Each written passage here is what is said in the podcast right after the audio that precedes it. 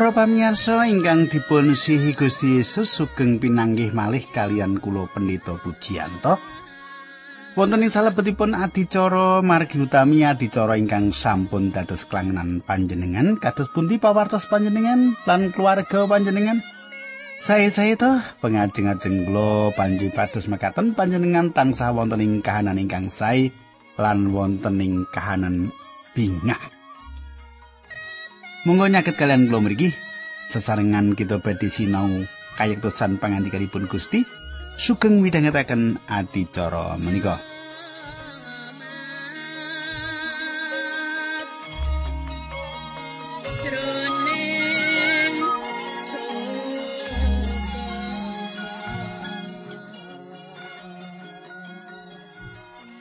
Para pamirsa panjenengan kula ajeng-ajeng tasih kemutan. Menapa ingkang kula aturaken duk nalika pepanggihan kepengker wonten ing pepanggihan kepengker kita sampun nyemak kados pundi Yehu nyirnakaken nabi-nabi Baal. Lajeng kados pundi kateng kula kita badhe nyemak sarengan monggo saderengipun menika kita ndedonga Nanging saderengipun tetunggo, kula badhe ngaturaken salam dumateng Ibu Sumarti. Ibu Sumarti menika saking Karangrejo. Nggih, Ibu mugi-mugi panjenengan sesarengan keren kula monggo kita tumungkul kita ndedonga sesarengan. Duh Kanjeng Rama ingkang adhedhampar wonten kraton ing kasuwargan kawula ngaturaken gunging panuwun menawi wekdal menika kawula saged sesarengan kalian sederek-sederek kawula ingkang setya tuhu midhangetaken adicara menika. Kawula nyuwun Gusti berkahi Gusti nuntuni linambaran asmanipun Gusti Yesus Kristus kawula ndedonga haleluya amin.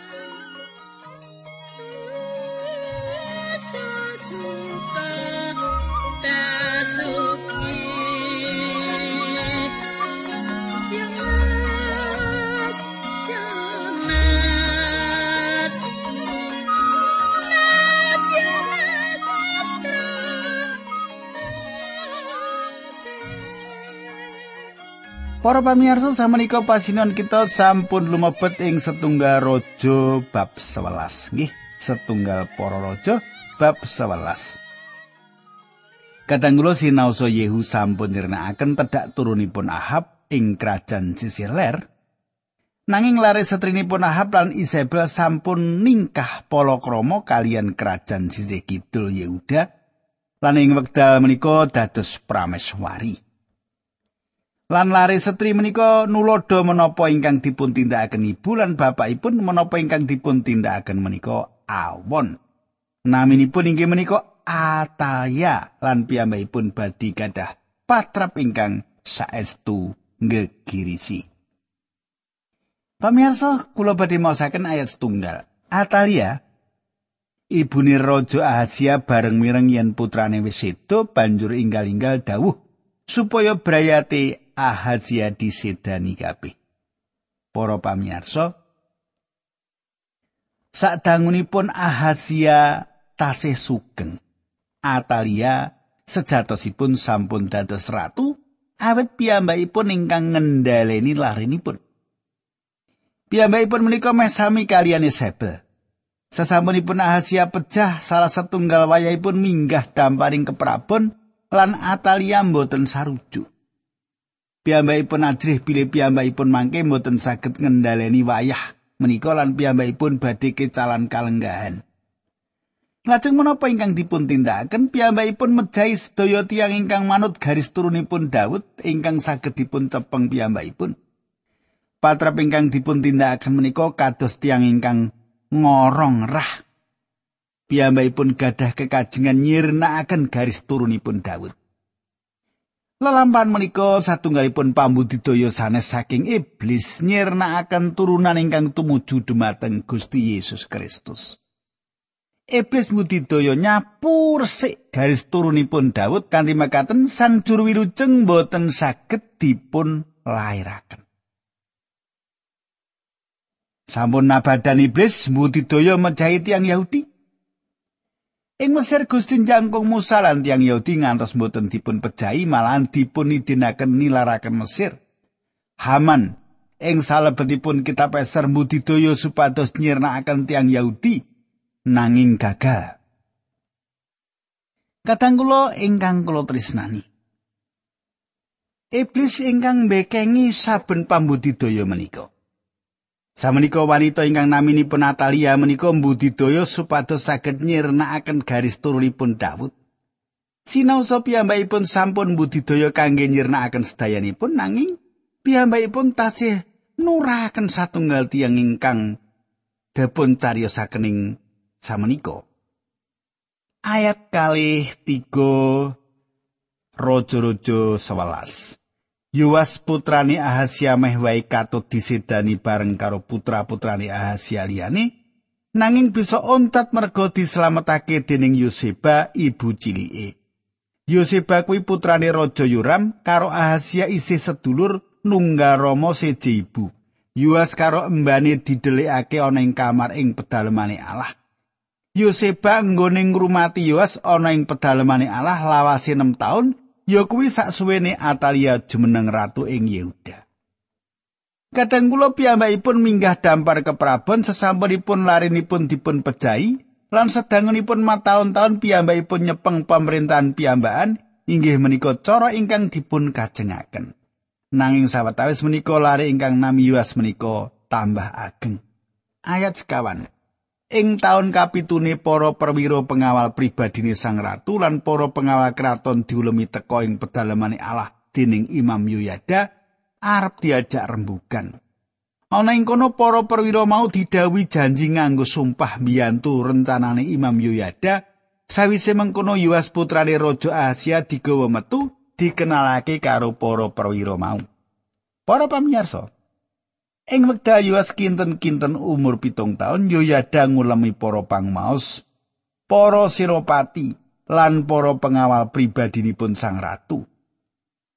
Piyambakipun ngatingalaken dumateng tiang-tiang kala wau bilih raja gadah lari jaler. Ing wekdal tiang-tiang kala mangertos bilih tasih wonten lari jaler garis turunipun Daud, andhatosaken tiang-tiang kala semangat bingah lan gadah pengajeng-ajeng ing manahipun.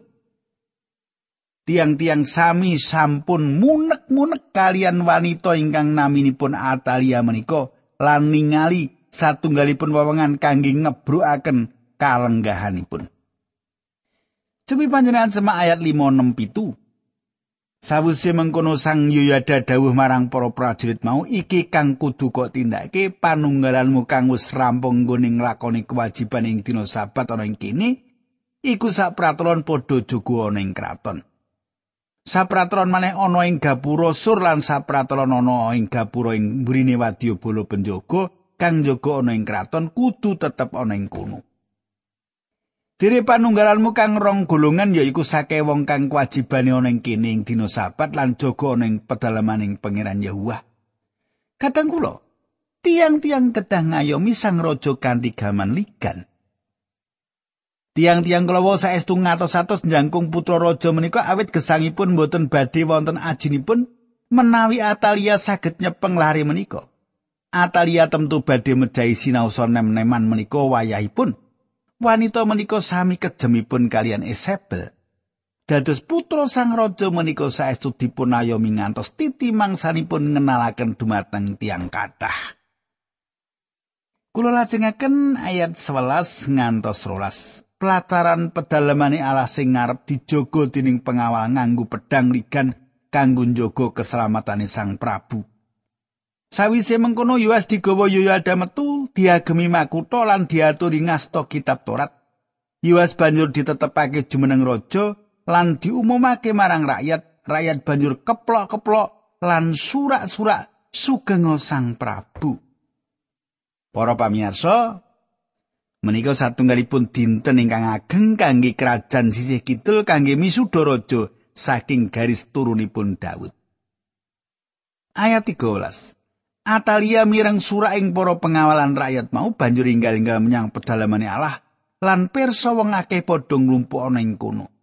Para pamirsa, tentu kemawon Atalia mboten dipun ulemi supados ngrawuhi anggenipun misuda raja.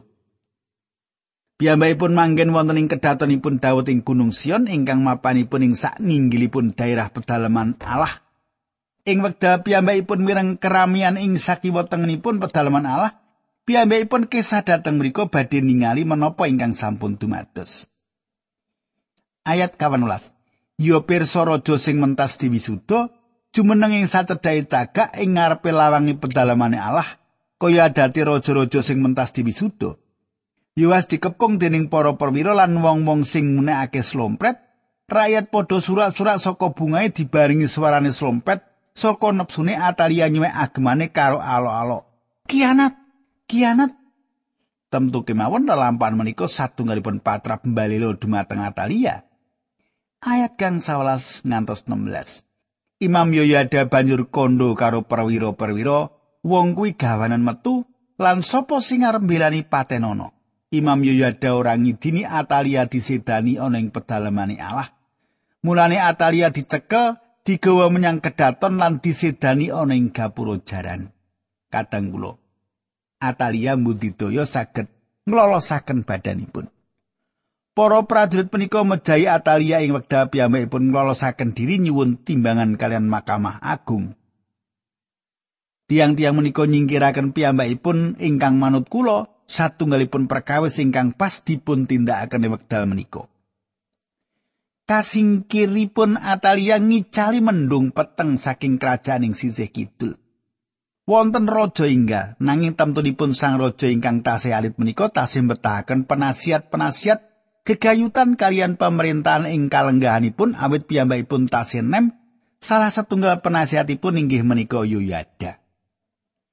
Samenika ayat pitulas. Imam Yoyada ngaturi Sang Prabu lan rakyat gawe perjanjian karo Gusti Allah sing ngantepake yen Sang Prabu lan rakyat kuwi umat Allah semono Sang Prabu diaturi gawe perjanjian karo rakyat. Para pamirsa, menika satunggalipun wiwitan wangsulipun ngibadah dumateng Gusti Allah. Imam Yoyada samenika mimpin satunggalipun gerakan supados wangsul manembah dumateng Yehuwah.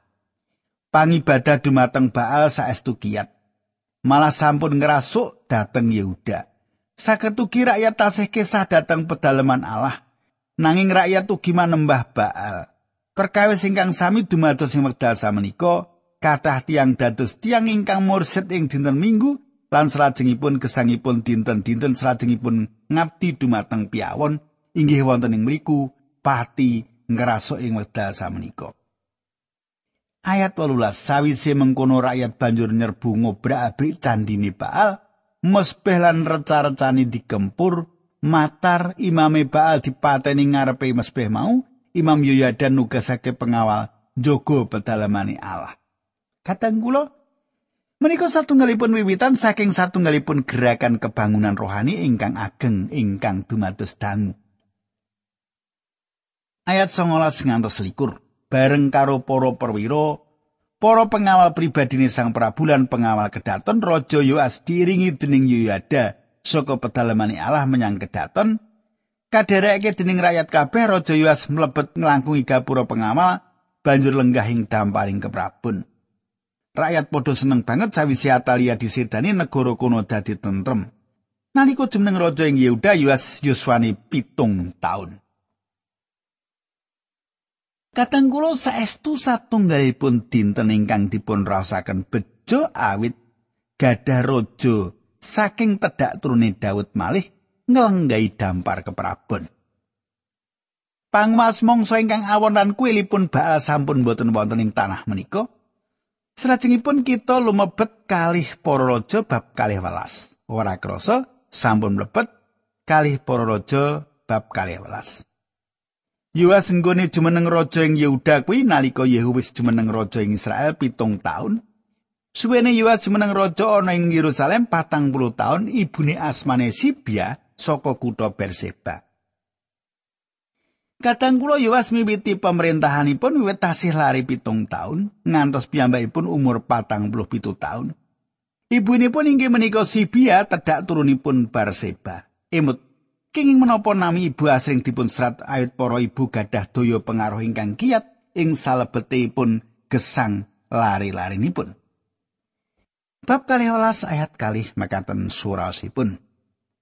Mergo saka panggula wentahe Imam Yoyada Raja Yoas lawase tansah nindakake apa sing ndadekake renaning penggali Gusti Allah.